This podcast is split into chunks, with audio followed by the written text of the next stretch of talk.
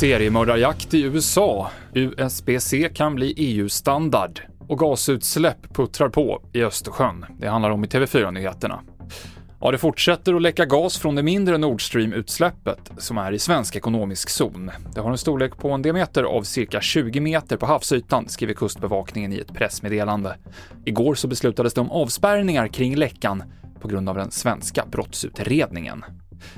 I Kalifornien så är polisen på jakt efter en misstänkt seriemördare. Fem personer misstänks ha skjutits till döds av samma person de senaste månaderna i staden Stockton.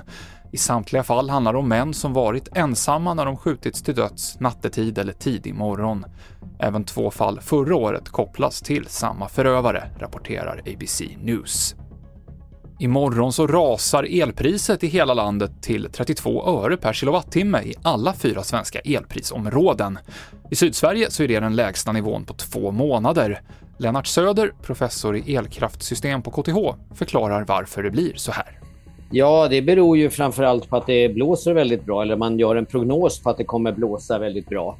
Sen tillkommer då att Polenkabeln har varit ur drift och då finns det inte lika stora exportkapaciteter som det har funnits tidigare.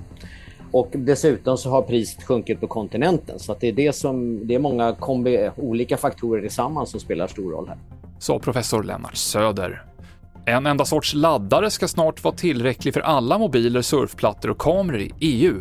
EU-parlamentet godkände idag en uppgörelse om att USB-C-kontakter ska bli standard. Nu återstår bara ett godkännande från ministerrådet innan det här kan träda i kraft. Och countrylegendaren Loretta Lynn är död. Hon hade sina största hits under den långa karriären på 60 och 70-talen med bland annat den självbiografiska Coal Miners Daughter och preventivmedelshitten The Pill. Loretta Lynn blev 90 år.